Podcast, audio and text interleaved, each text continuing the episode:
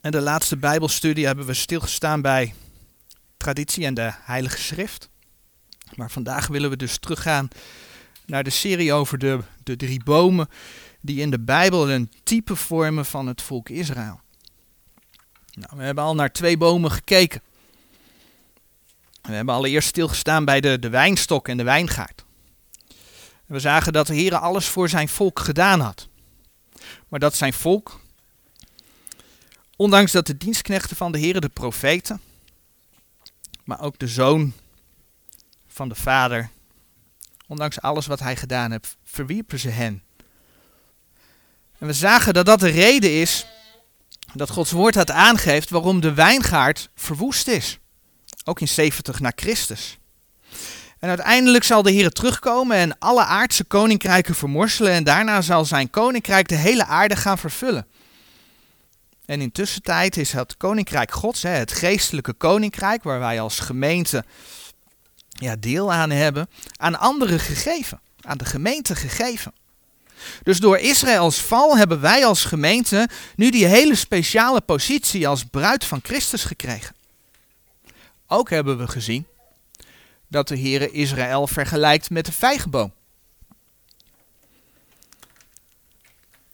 Allereerst zagen we dat de Heer Jezus naar de aarde kwam om voor de vijgenboom te zorgen.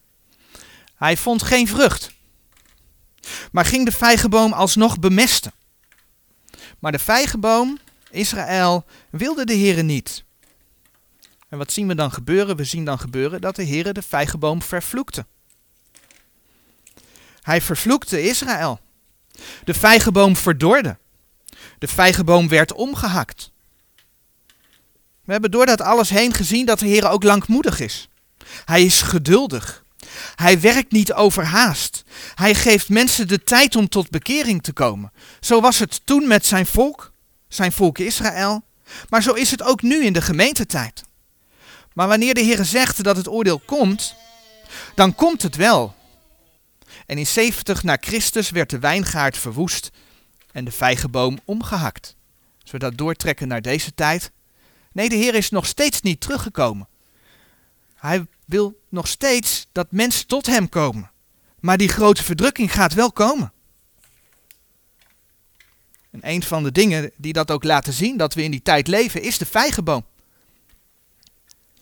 Want we zagen dat de Heere laat zien dat er een moment komt dat Israël zich zal bekeren. En dat moment is nu nog steeds toekomst. Het zal pas in vervulling gaan als de gemeente weg is. Er komt een moment dat de vijgenboom weer zal uitspreiden. En ik zeg er komt, dat moment is natuurlijk gekomen. Dat is 1948. De staat Israël is er weer. En vanaf dat moment zegt de Bijbel, die generatie zal alle dingen waarvan de Heer gezegd heeft, die te maken hebben met zijn tweede komst, die zullen in vervulling gaan. Die generatie zal dat meemaken. Oftewel, de vervulling van de profetie van de eindtijd, die zijn nabij. De Heere zal Israël terugbrengen in het land. Zij zullen dan tot geloof komen. En dan zal, ook dat laat de gelijkenis van de vijgenboom zien, Israël uiteindelijk ook tot bloei komen. Maar dat is zolang wij als gemeente hier op aarde zijn, allemaal nog steeds toekomst. En zo is er dus nog een derde boom. Ik noemde hem net al, de olijfboom. Waar de Heere Israël in zijn woord ook mee vergelijkt. Laten we dan een gedeelte lezen uit Jeremia 11. Jeremia 11 vanaf vers 10.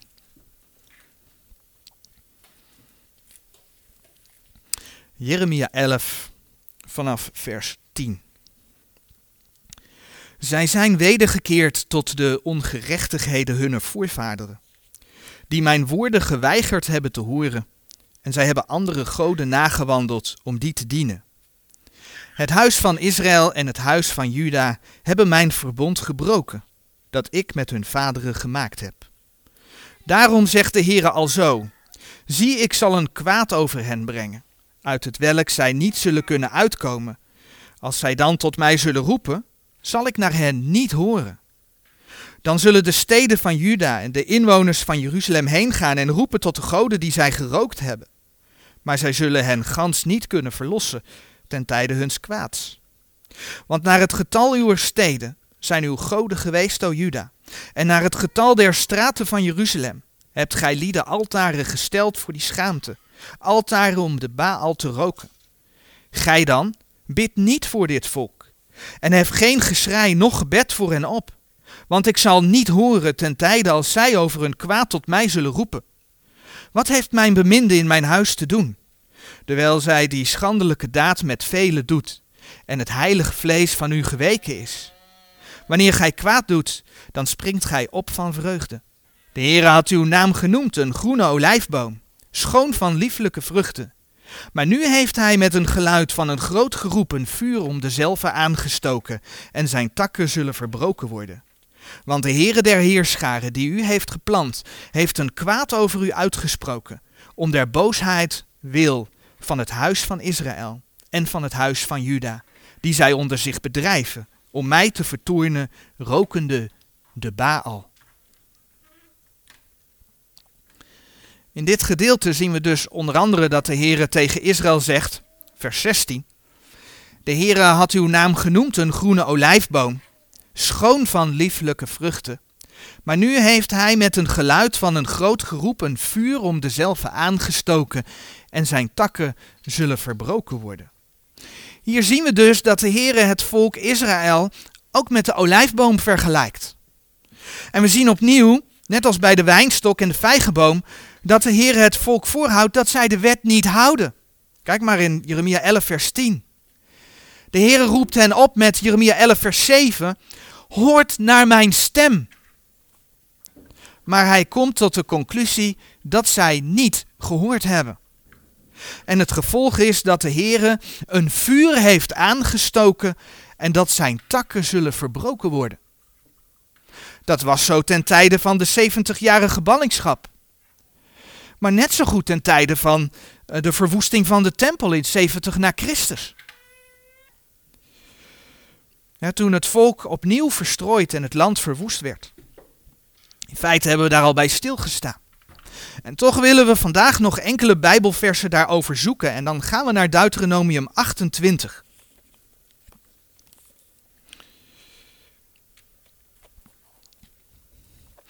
Deuteronomium 28 is zo'n schriftgedeelte waarin de Heere Israël de zegen en de vloek voorhoudt.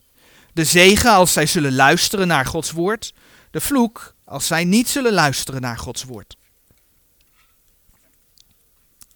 Toen we stilstonden bij het thema wat maakt mij nou een bijbelgelovige, heb ik dit hoofdstuk ook als voorbeeld aangehaald. tegenwoordig hoor je heel vaak alleen maar positieve boodschappen.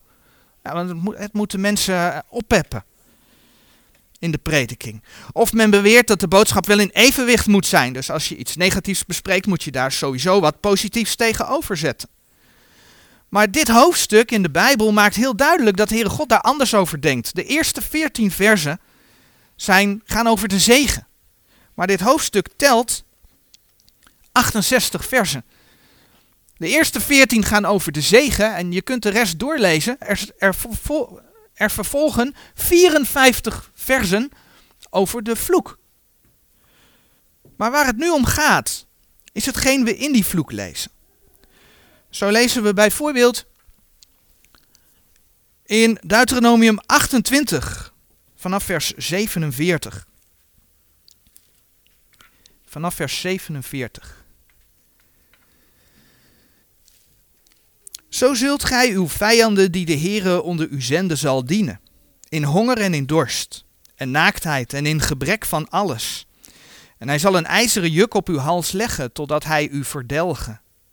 De Heere zal tegen u een volk verheffen van verre, van het einde der aarde, gelijk als een arend vliegt, een volk welk spraak gij niet zult verstaan.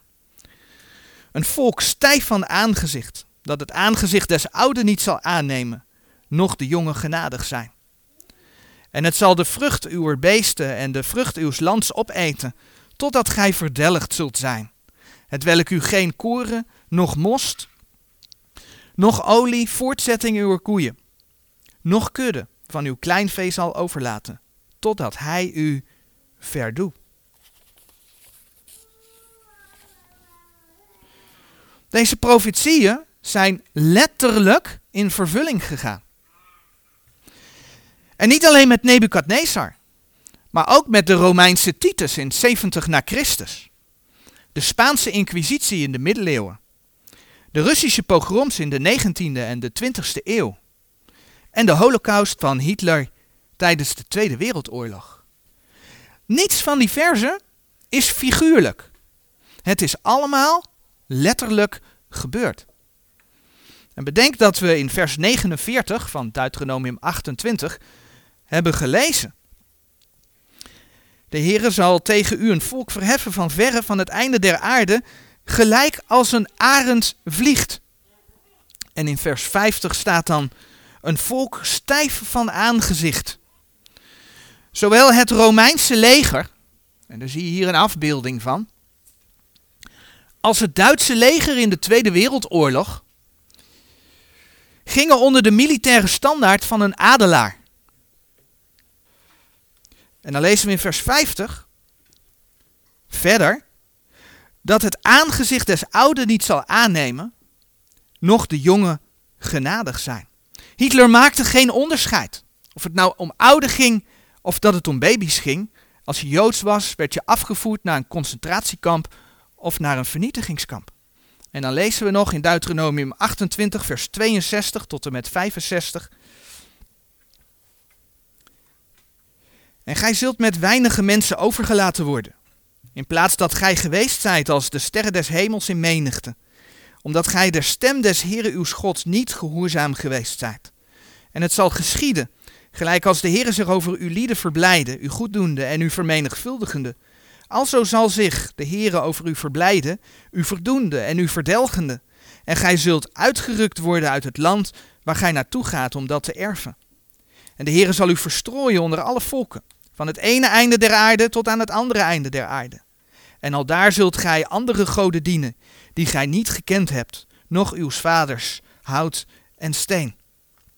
Daartoe zult gij onder dezelfde volken niet stil zijn. Uw voedsel zal geen rust hebben. Want de Heere zal u al daar een bevend hart geven, en bezwijking der ogen, en mattigheid der ziel.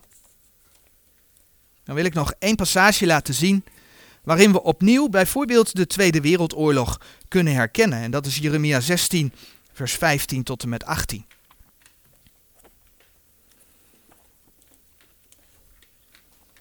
Jeremia 16.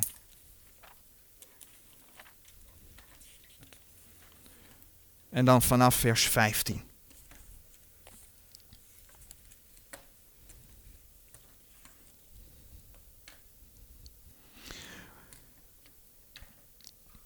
Maar zo waarachtig als de Heere leeft, die de kinderen Israëls heeft opgevoerd uit het land van het noorden en uit al de landen waarheen hij hen gedreven had, want ik zal hen wederbrengen in hun land dat ik hun vaderen gegeven heb.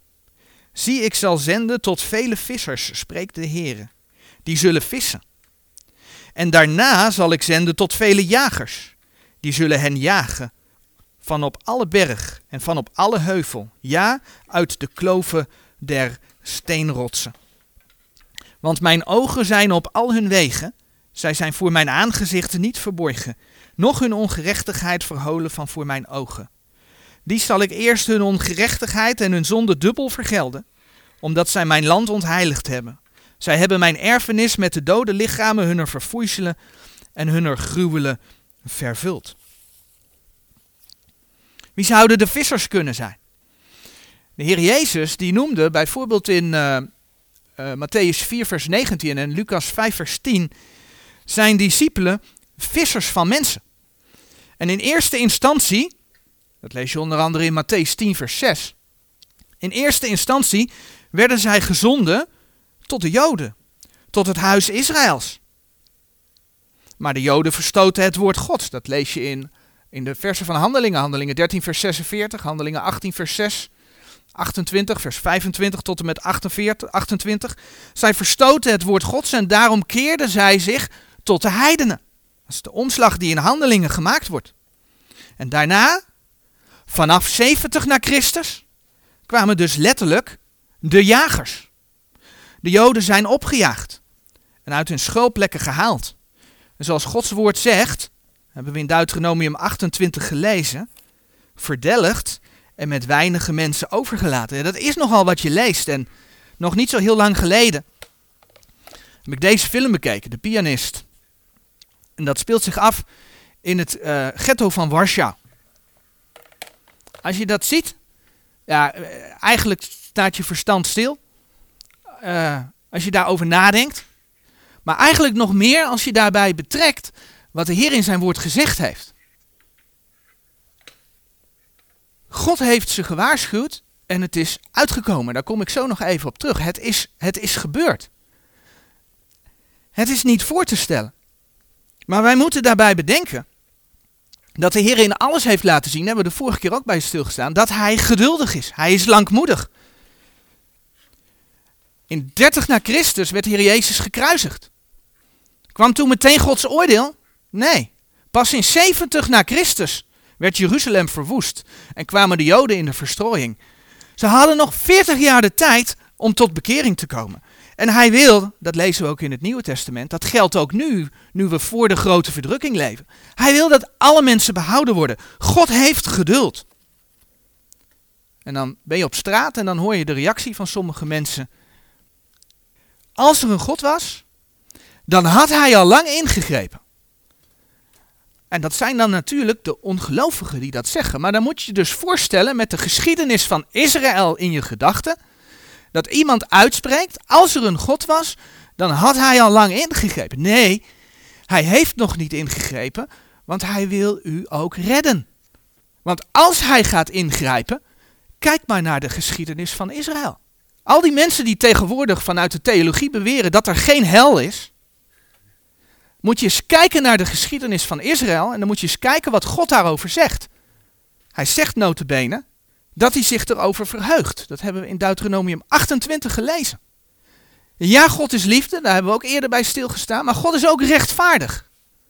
En als mensen hem verwerpen, en die volgorde is het, hè? Israël heeft de kans gehad om hem aan te nemen, maar ze hebben hem verworpen. Dat geldt de heidenen nu net zo. Men heeft de kans om hem aan te nemen, maar men verwerpt hem. In de kerken hebben ze afgerekend met Gods woord. Dat is wat er gaande is. Dus dat wat Israël overkomen is. En ja, de grote verdrukking is de tijd van Jacobs benauwdheid. Maar als we de Bijbel lezen, dan weten we dat dat de hele wereld aangaat. Het gaat opnieuw gebeuren. God waarschuwt. En hoe treurig dit voorbeeld ook is. We zien wel dat dit voorbeeld bevestigt dat we met de Bijbel, dat we met het boek van God te maken hebben. Want God die niet liegen kan, doet zijn woord gestand. Hij doet wat hij zegt. En dat is heel makkelijk zeggen, hè? op het moment dat je het over mooie beloften hebt. De geboorte van de Messias. Dat is makkelijk. Of de belofte van een nieuwe hemel en een nieuwe aarde waarin alles geweldig zal zijn. Hij zal u de tranen van uw ogen afwissen. Ja, dat staat in Gods woord. Gaat gebeuren als je voor de Heer Jezus gekozen hebt. Dat is makkelijk zeggen. Maar dat geldt net zo goed voor al die punten die ik genoemd heb. Die we in Deuteronomium en Jeremia gelezen hebben. Hij heeft Israël de vloek toegezegd als ze hem zouden verwerpen. Zij hebben hem verworpen en de vloek is gekomen. Letterlijk, zoals het geschreven staat. Gods woord is de waarheid. Johannes 17, vers 17. En vaak zeggen de mensen dan, ach ja, weet je, de Bijbel is geschreven door mensen. Maar de geschiedenis van het Joodse volk toont aan dat de Bijbel niet uit mensen voortgekomen is. Ja, het Joodse volk heeft ons Gods woord overgeleverd. In Romeinen 3, vers 1 en 2, daar lezen we, welk is dan het voordeel van de Jood, of welke is de nuttigheid der besnijdenis, veel in alle manier. Want dit is wel het eerste, dat hun de woorden Gods zijn toebetrouwd. Zij hebben ons het woord van God overgeleverd. Maar welk volk schrijft over zichzelf de inhoud van een dergelijk boek? Het zijn niet de naties die het boek geschreven hebben. Nee, het is opgeschreven door mensen uit het Joodse volk. Maar het is niet uit menselijke gedachten voortgekomen. Want als het uit menselijke gedachten was voortgekomen, dan had daar gestaan: wij mensen zijn diep van binnen goed. Dan had daar gestaan: Het zal allemaal wel goed komen met ons. Want dat was namelijk ook de boodschap van de valse profeten. Kijk maar in Jeremia 14. In Jeremia 14, vers 13. Toen zeide ik, ach heren, heren, zie die profeten zeggen hun, gij zult geen zwaard zien en gij zult geen honger hebben, maar ik zal u een gewisse vrede geven in deze plaats. En dan zie je in vers 14 dat het de woorden van valse profeten zijn. De woorden van de Heere God zijn niet door mensen ingegeven, maar door de Heere zelf. 2 Petrus 1 vers 21 en de tekst verschijnt hier op de dia, zegt zo mooi. Want de profetie is voortijds niet voortgebracht door de wil eens mensen, maar de heilige mensen gods, van de heilige geest gedreven zijnde, hebben ze gesproken. En wat de Heere van die boodschap van die valse profeten vindt, dat mag duidelijk zijn, hè? vers 14 van Jeremia 14. En de Heere zeide tot mij, die profeten profiteren vals in mijn naam. Ik heb hen niet gezonden, noch hun bevel gegeven, noch tot hen gesproken. Zij profiteren ulieden een vals gezicht en waarzegging en nietigheid en bedriegerij huns harten.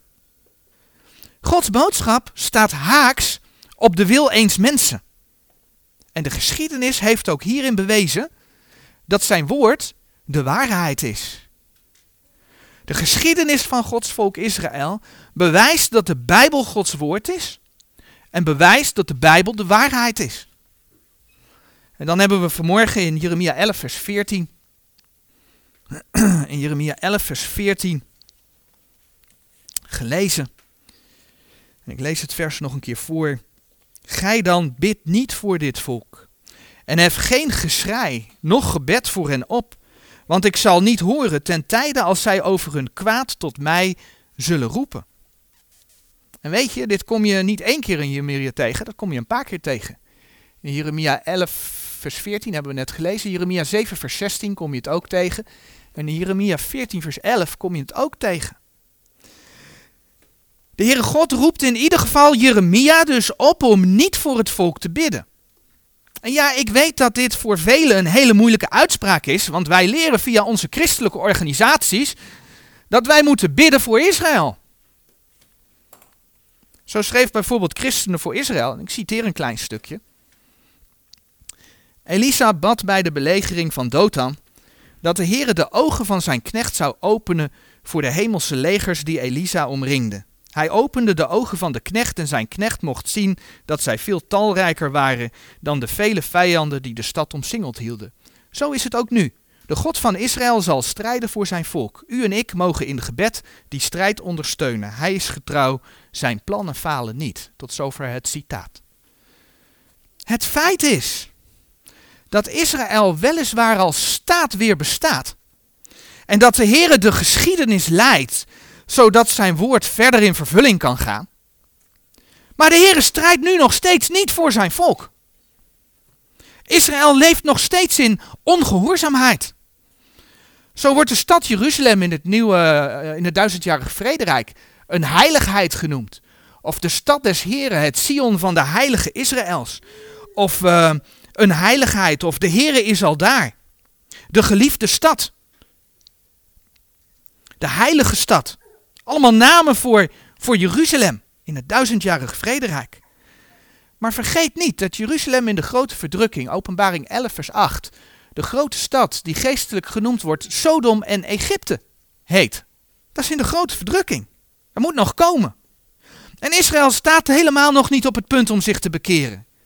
Eerst moet de grote verdrukking gaan plaatsvinden en zal het huidige Israël zelfs een verbond met de antichrist sluiten. ik denk dat het voor de meesten van ons een bekend gedeelte is, maar Daniel 9, vers 24 tot en met 27 schrijft over de zevenjarige grote verdrukking die gaat komen. Daniel doet een profetie over de 70 weken. Dan heb je de 70ste jaarweek. Dat is dan een week van een week van zeven dagen. Elk dag staat voor een jaar. En dan kom je tot de zevenjarige grote verdrukking. En ik lees het vers even voor, Daniel 9, vers 27. En hij zal velen het verbond versterken één week. Er komt dus een verbond van de, uh, van de antichrist met het volk Israël. In de helft der week zal hij het slachtoffer en het spijsoffer doen ophouden En over de gruwelijke vleugel zal een verwoester zijn, ook tot de voleinding toe die vastelijk besloten zijnde zal uitgestort worden over de verwoester. Dus op de helft van die week, dan gaat hij het offer stoppen, gaat hij zichzelf laten aanbidden als God. En ergens tussen dan en het eind van de grote bedrukking gaat het gebeuren dat Israël tot geloof komt. Maar er komt dus eerst een verbond met Israël. Dit volk wat nu leeft in het land, gaat nog een verbond sluiten met de antichrist. En wat er dan nog gaat gebeuren, is onder andere wat we in Zacharia 14, vers 1 en 2 lezen. Zacharia 14, vers 1 en 2. Als dat verbond verbroken wordt, gaat er namelijk een vervolging van Israël komen. Kunnen we ook in de Bijbel lezen. En wat er dan in het verleden gebeurd is met Jeruzalem, gaat opnieuw gebeuren. Zacharia 14, vers 1 en 2.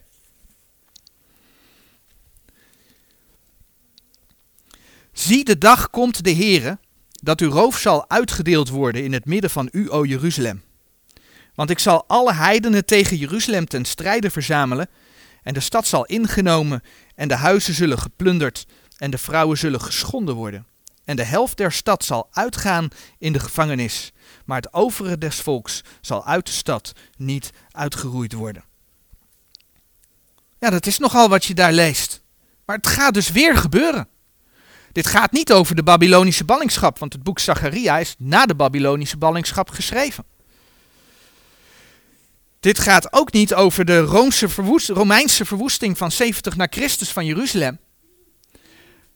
Want er wordt niet over de Romeinen gesproken, er wordt hier over alle heidenen gesproken die vergaderd worden tot Jeruzalem. Dit gaat over de grote verdrukking. En pas daarna, zoals net gezegd, zal ergens dat moment komen dat Israël zich zal gaan bekeren tot de Here. En pas daarna, Zacharia 14 vers 3 en 4, trekt de Here erop uit om voor zijn volk te strijden. Dat is de volgorde die Gods woord laat zien.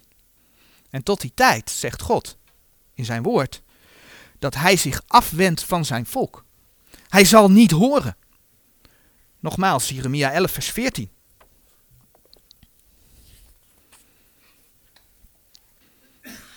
Gij dan bid niet voor dit volk en hef geen geschrei noch gebed voor hen op, want ik zal niet horen ten tijde als zij over hun kwaad tot mij zullen roepen. De Heere luistert dus niet naar hen. Sterker nog, hij geeft in zijn woord aan dat zijn volk hier doorheen moet, omdat zij hem verworpen hebben. Dus waarom zouden wij dan bidden voor Israël dat het goed met ze gaat? Dat de Heer wel voor hun zorgt in deze tijd. En ja, ik geloof dat dat voor deze tijd ook geldt, omdat het volk nog steeds door die grote verdrukking moet. Als je in Jeremia 14, vers 11 kijkt, dat is een van de andere versen waar je dat tegenkomt, dan lees je daar. Wijders zeiden de Heer tot mij: Bid niet voor dit volk ten goede. En dan zie je dat er in Jeremia 14, vers 20 een bekeringsgebed uitgesproken wordt. Heren, wij kennen onze goddeloosheid en onze vaderen ongerechtigheid, want wij hebben tegen u gezondigd. En eh, dan zie je dat er in vers 21 gezegd wordt, werp de troon uw heiligheid niet neder. Wat zoveel betekent als maak de troon uw heerlijkheid niet uh, te schande. Maar wanneer is er sprake van de troon uw heerlijkheid? Nou, je kunt dat bijvoorbeeld vinden in Matthäus 25, vers 31. In Matthäus 25, vers 31. Dat speelt na de grote verdrukking die beschreven wordt in Matthäus 24, vers 21. En dan zie je dat daar beschreven wordt dat de Heer Jezus komt en zal zitten op de troon zijner heerlijkheid. Dus die troon zijner heerlijkheid die daar in Jeremia genoemd wordt, die is op aarde aanwezig op het moment dat de tweede komst geweest is, dat de Heer Jezus gekomen is op aarde. En dan lees je in Matthäus dat daarna de volken geoordeeld worden. Je kunt eventueel ook in Matthäus 19, vers 28 krijgen, kijken. Daar zie je ook de troon der, van zijn heerlijkheid in combinatie met zijn terugkomst, dat hij terug is gekomen. Ook lezen we dat Gods woord laat zien dat als de Heer Jezus terugkomt, dat hij zal komen met regen. Zodat de aarde wedergeboren kan worden. Want ja, openbaring 11 vers 6 laat bijvoorbeeld zien dat de, uh, de twee getuigen die zullen komen, die zullen uh, het niet laten regenen. Er zal een verschrikkelijke hitte komen. En als de Heer terugkomt, dan komt hij met regen. Dat staat bijvoorbeeld in Joel 2 vers 23. De regen zal weer vallen, de vroege en de spade regen. Maar je ziet het ook in Hosea 6 vers 3. Laten we Hosea 6 vers 3 even erbij pakken.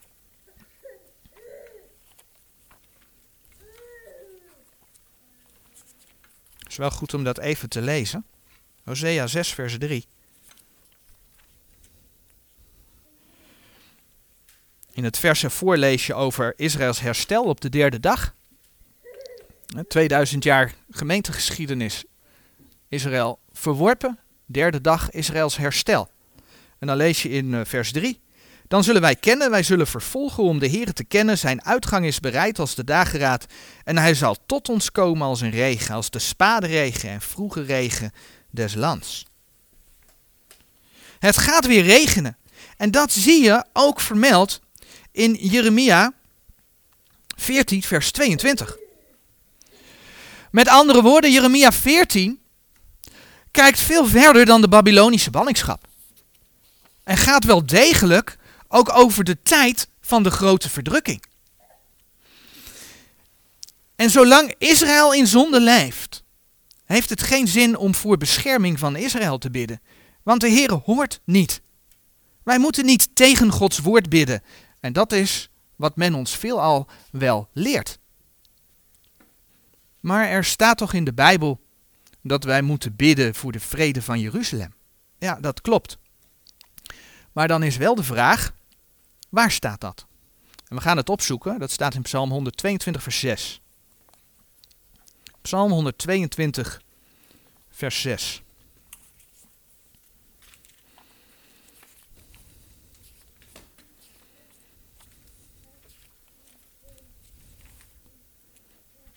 En in dat vers staat dan geschreven: Bid om de vrede van Jeruzalem. Wel moeten zij varen die u beminnen.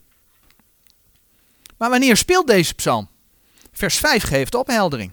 In vers 5 van uh, Psalm 122 lezen we. Want daar zijn de stoelen des gerichts gezet, de stoelen van het huis Davids. De King James 1611 spreekt over de tronen van het gericht. En dan is de vraag, zijn er dan tegelijkertijd meerdere koningen in Jeruzalem geweest? Nee. Maar de Bijbel spreekt wel over een moment dat vanuit Jeruzalem het gericht zal gaan. En dat er dan meerdere tronen zullen zijn. In Matthäus 19, vers 28, en de tekst verschijnt hier op de dia, daar staat geschreven. En Jezus zeide tot hen, voorwaar ik zeg u, dat gij die mij gevolgd zijt in de wedergeboorte, wanneer de Zoon des Mensen zal gezeten zijn op de troon zijner heerlijkheid, daar heb je die troon zijner heerlijkheid weer, dat ook gij zult zitten op twaalf tronen, oordelende de twaalf geslachten Israëls. Zonder hier nu heel diep op in te gaan, zien we dat de wedergeboorte waar hier sprake van is, niet de wedergeboorte is die wij als gelovigen meemaken, als we tot geloof komen. Dit is de wedergeboorte van de schepping die herboren gaat worden in het duizendjarig vrederijk. En dan zal, zoals we gezien hebben, de zoon des mensen zitten op de troon van zijn heerlijkheid. Hij zal de volken oordelen. Hij zal regeren. En dan zullen er dus meerdere tronen zijn, omdat er met de Heer Jezus meegeregeerd wordt. De context van deze psalm is dan ook de redding van het volk Israël en het duizendjarig vrederijk. En dat geldt voor meerdere psalmen in de context. Hè. Psalm 120 vers 1 gaat over de tijd van Jacobs benauwdheid.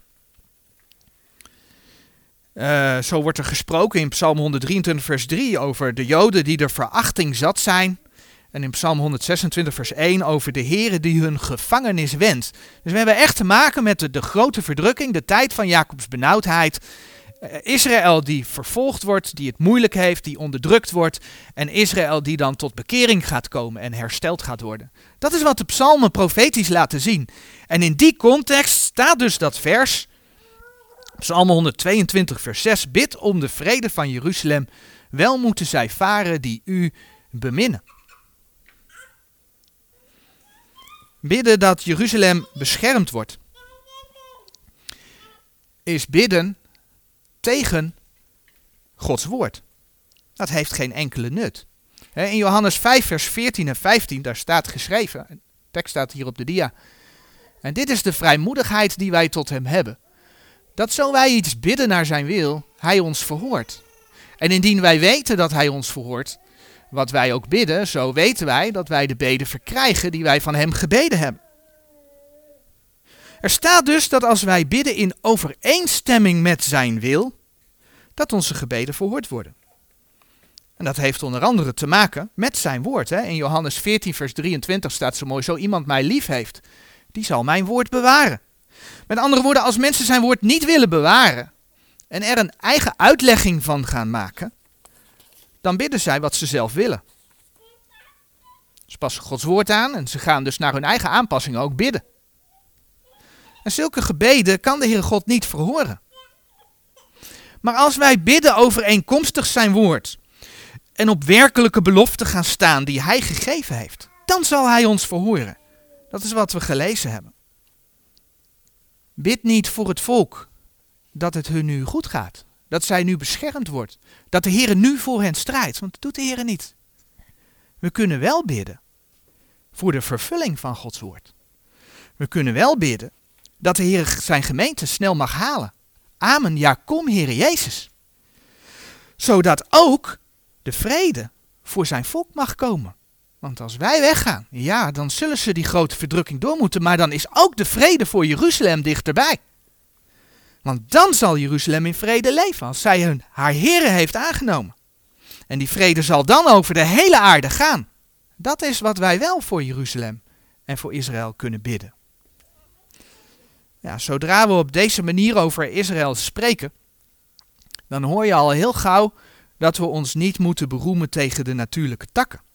En dat brengt ons bij een ander gedeelte in de schrift wat spreekt over de olijfboom en dat is Romeinen 11. Romeinen 11.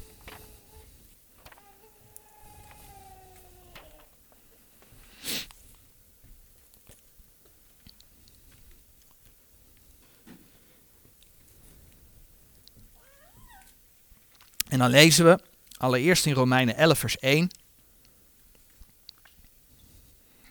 Ik zeg dan, heeft God zijn volk verstoten, dat zij verre. Want ik ben ook een Israëliet, uit het zaad Abrahams, van de stam van Benjamin. En dan lezen we verder in vers 11. Zo zeg ik dan, hebben zij gestruikeld op dat zij vallen zouden? Dat zij verre. Maar door hun val is de zaligheid de heidenen geworden. En om hen tot jaloersheid te verwekken. En indien hun val de rijkdom is der wereld en hun vermindering de rijkdom der heidenen, hoeveel te meer hun volheid. Want ik spreek tot u heidenen, voor zoveel ik der heidenen apostel ben, ik maak mijn bediening heerlijk. Of ik enigszins mijn vlees tot jaloersheid verwekken en enige uit hen behouden mocht.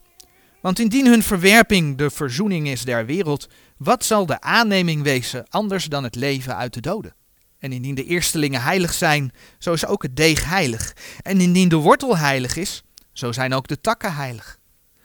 En zo enige der takken afgebroken zijn, en gij een wilde olijfboom zijnde, in derzelfde plaats zijt ingeënt, en des wortels en der vettigheid des olijfbooms mededeelachtig zijt geworden, zo roem niet tegen de takken.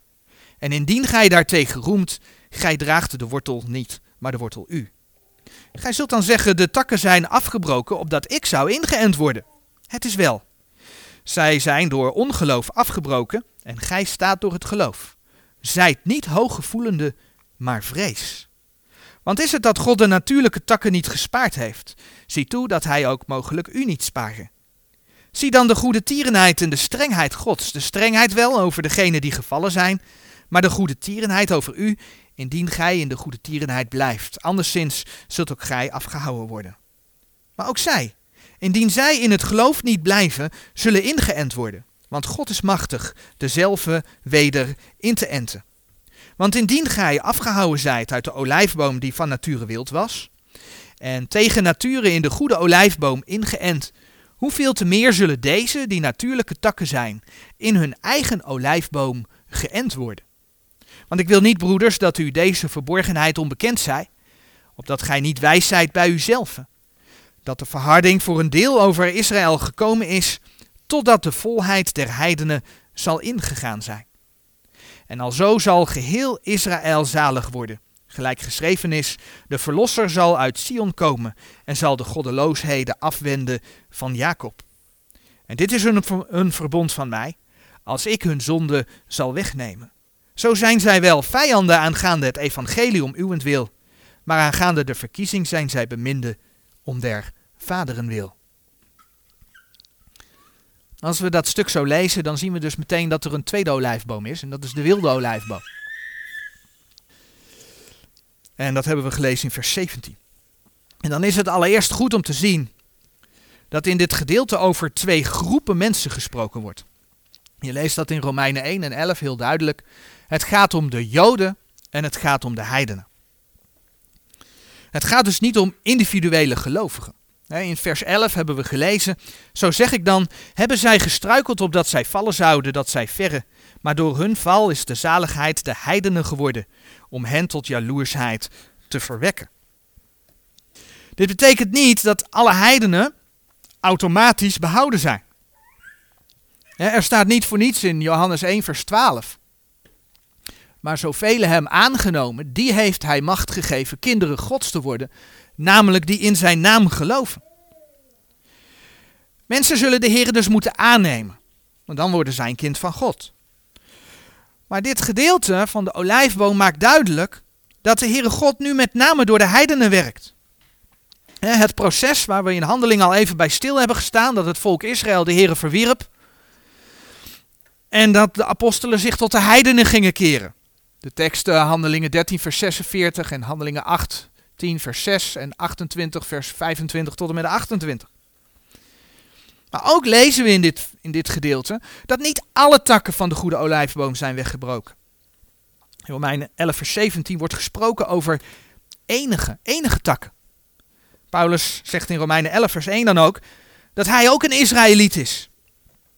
En in Romeinen 11 vers 5 geeft hij aan dat er een overblijfsel is.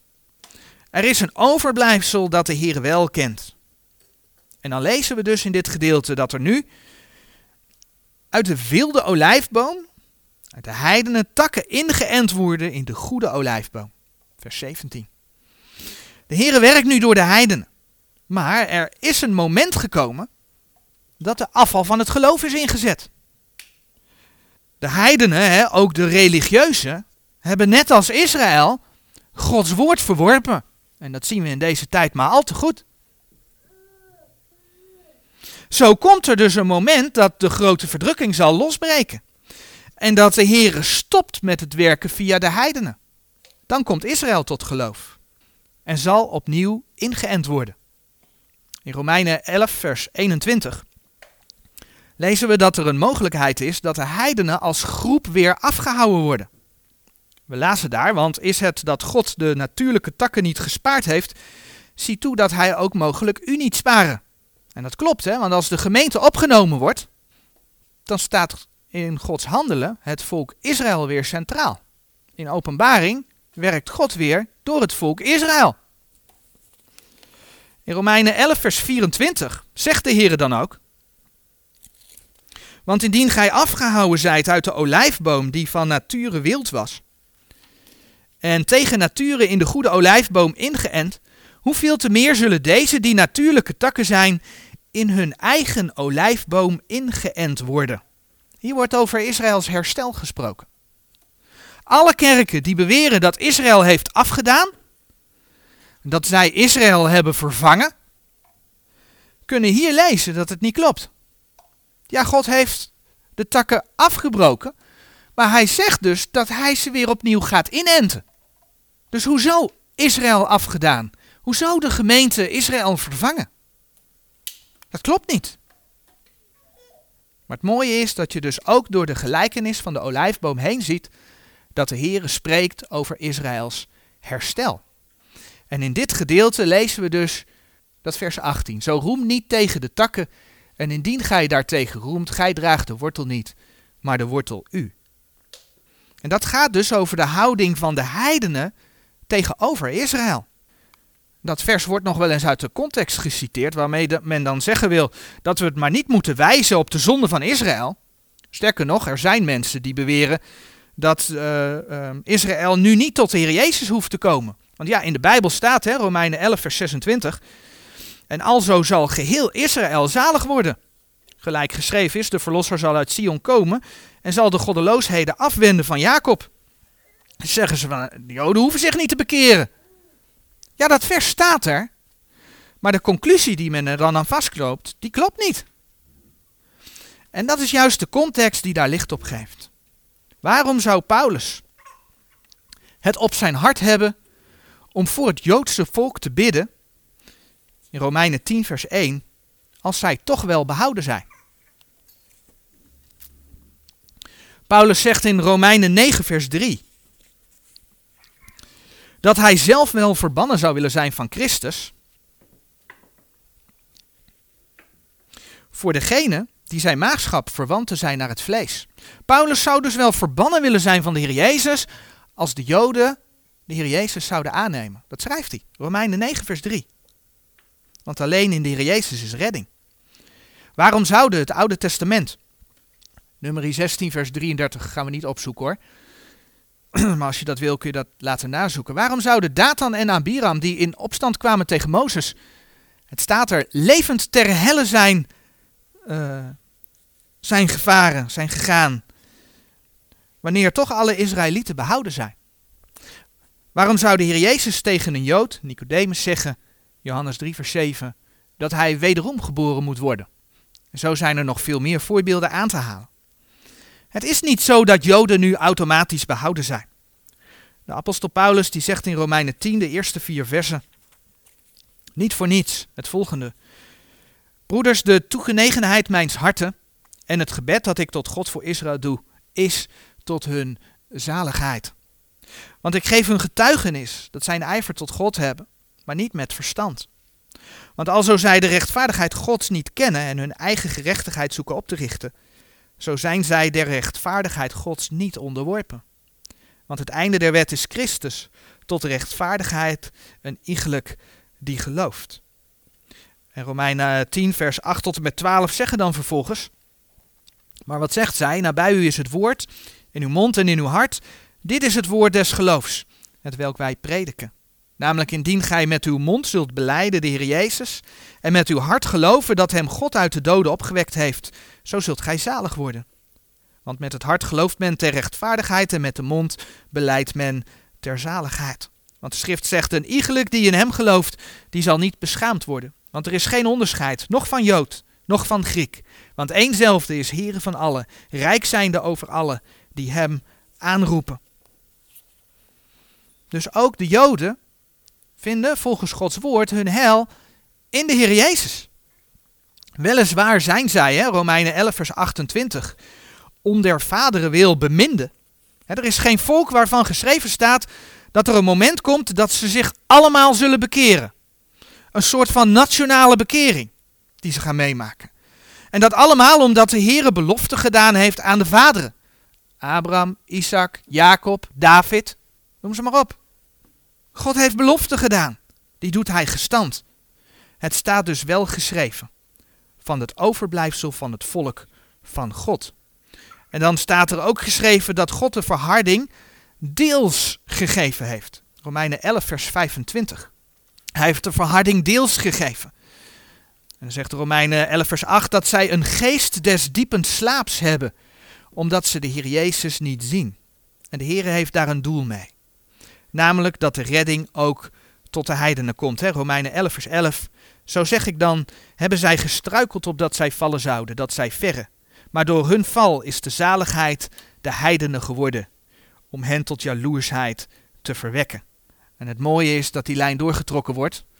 De Joden zijn gevallen om de heidenen tot zaligheid te brengen, maar vervolgens keert dat weer. Hè? En dat is dus waarom de Joden ook het evangelie moeten horen. Namelijk om het Joodse volk vervolgens tot, tot jaloersheid te verwekken. Dat ook zij de Here mogen gaan leren kennen. En juist daarom is dat volk beminden om der vaderen wil. En belooft de Heere hen een nationale bekering. Nou, die nationale bekering wordt heel mooi in Joel 2 beschreven. Ik lees er twee versen uit voor. Joel 2.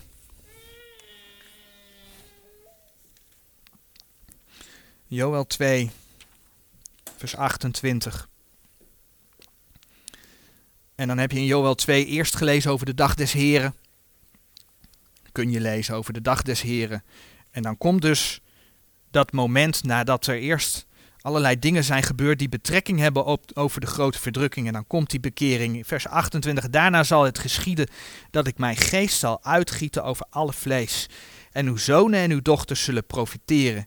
Uw ouders zullen dromen dromen. Uw jongelingen zullen gezichten zien. En dan lezen we in vers 32 nog. En het zal geschieden op al, uh, al wie de naam des Heren zal aanroepen, zal behouden worden. Want op de berg Sion en te Jeruzalem zal ontkoming zijn. Gelijk als de Heere gezegd heeft. En dat bij de overgeblevenen die de Heere zal roepen. Er komt dus een nationale bekering het overblijfsel van Israël.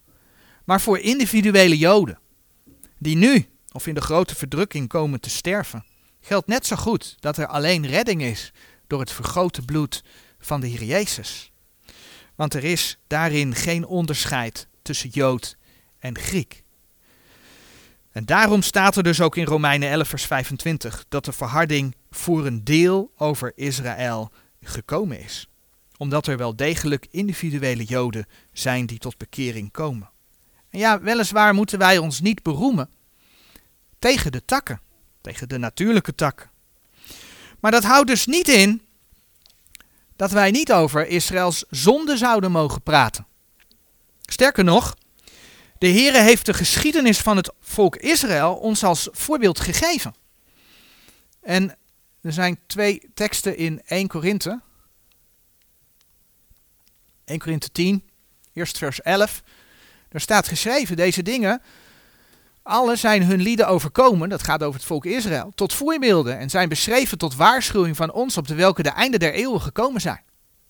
Het is als voorbeeld, het is als waarschuwing gegeven. vers 6 zegt dan nog, en deze dingen zijn geschied ons tot voorbeelden, opdat wij geen lust tot het kwaad zouden hebben, gelijkerwijs als zij lust gehad hebben. Er zit dus een doel achter. Wij mogen leren van Israël.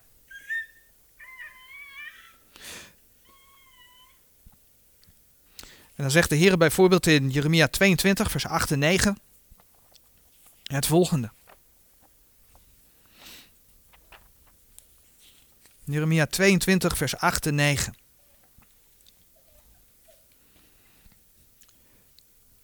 Dan zullen vele heidenen voorbij deze stad gaan en zullen zeggen, een ieder tot zijn naaste, Waarom heeft de Heer al zo gedaan aan deze grote stad? En zij zullen zeggen, omdat zij het verbond des Heeren hun Gods hebben verlaten en hebben zich voor andere goden nedergebogen en die gediend. Je kunt dat ook vinden in de context van Deuteronomium 28, waar we vanmorgen gelezen hebben over, over de vloek die Israël zal overkomen als ze de heren niet, zouden, niet naar de heren zouden luisteren. En dan lees je hetzelfde wat we net in Jeremia gelezen hebben, ook in Deuteronomium 29, vers 24 tot en met 26. De Heere stelt het als voorbeeld en geeft aan dat er over gesproken zal gaan worden. Dat heeft dus niets te maken met het beroemen tegen de natuurlijke takken. Wij mogen de zonde van Israël zien en we mogen ervan leren. Maar we mogen niet wijzen met de vinger. En zeggen, kijk, zij is slecht zijn. Wij zijn veel beter. Dan gaan we hoogmoedig worden. Dan gaan we hooggevoelende worden. Want wij zijn geen haar beter. Zo zijn er christenen. Christenen die het ook hebben over het feit dat de Heer snel gaat komen. Die, die, die dat ook kennen. Die zeggen, ja, maar de Joden hebben wel Christus gekruisigd. En uh, weet je, de rijke bankiers op deze aarde, het zijn over het algemeen allemaal Joden. De vraag is of dat overigens waar is hoor. Een deel wel, maar niet allemaal. Maar goed, de rijke magiers, dat zijn Joden en die gaan het antichristelijke rijk opzetten. En je merkt in hun betoog, als je verder, verder erover leest en bezig bent, dat ze bijna antisemitisch worden. Dan zijn ze, gaan ze buiten hun boekje. Dan zijn ze hoogmoedig.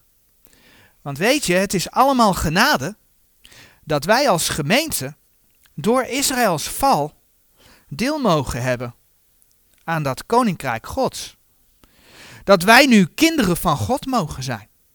Dat we zelfs de bruid van zijn zoon mogen zijn. Israël heeft ons de verlosser gegeven. Israël heeft ons Gods woord gegeven. Dat mogen wij nooit vergeten. En zoals wij ingeënt zijn, hebben we net gelezen in Romeinen 11, zullen zij opnieuw ingeënt worden. Dat gaat met het overblijfsel van Israël geheel gebeuren. Dat is wat de schrift zegt. Dus de bijbelse houding van ons naar Israël mag dezelfde houding zijn als die van de apostel Paulus. Zoals we in Romeinen 10, vers 1 tot en met 8 gelezen hebben, dat hij vurig bidt voor het volk Israël. Dat ook onder hen mensen tot inkeer mogen komen en de Heer Jezus mogen gaan leren kennen. Maar ook mogen wij bidden dat we mogen uitzien naar de Heer. Dat we mogen zeggen, amen, ja kom Heer Jezus. Want op het moment dat Hij ons komt halen, is ook de vrede van Jeruzalem dichterbij. En zo kunnen wij bidden voor de vervulling van Gods woord. De belofte die Hij daarover heeft gegeven. En de vrede die Jeruzalem dan ten deel zal vallen. Amen.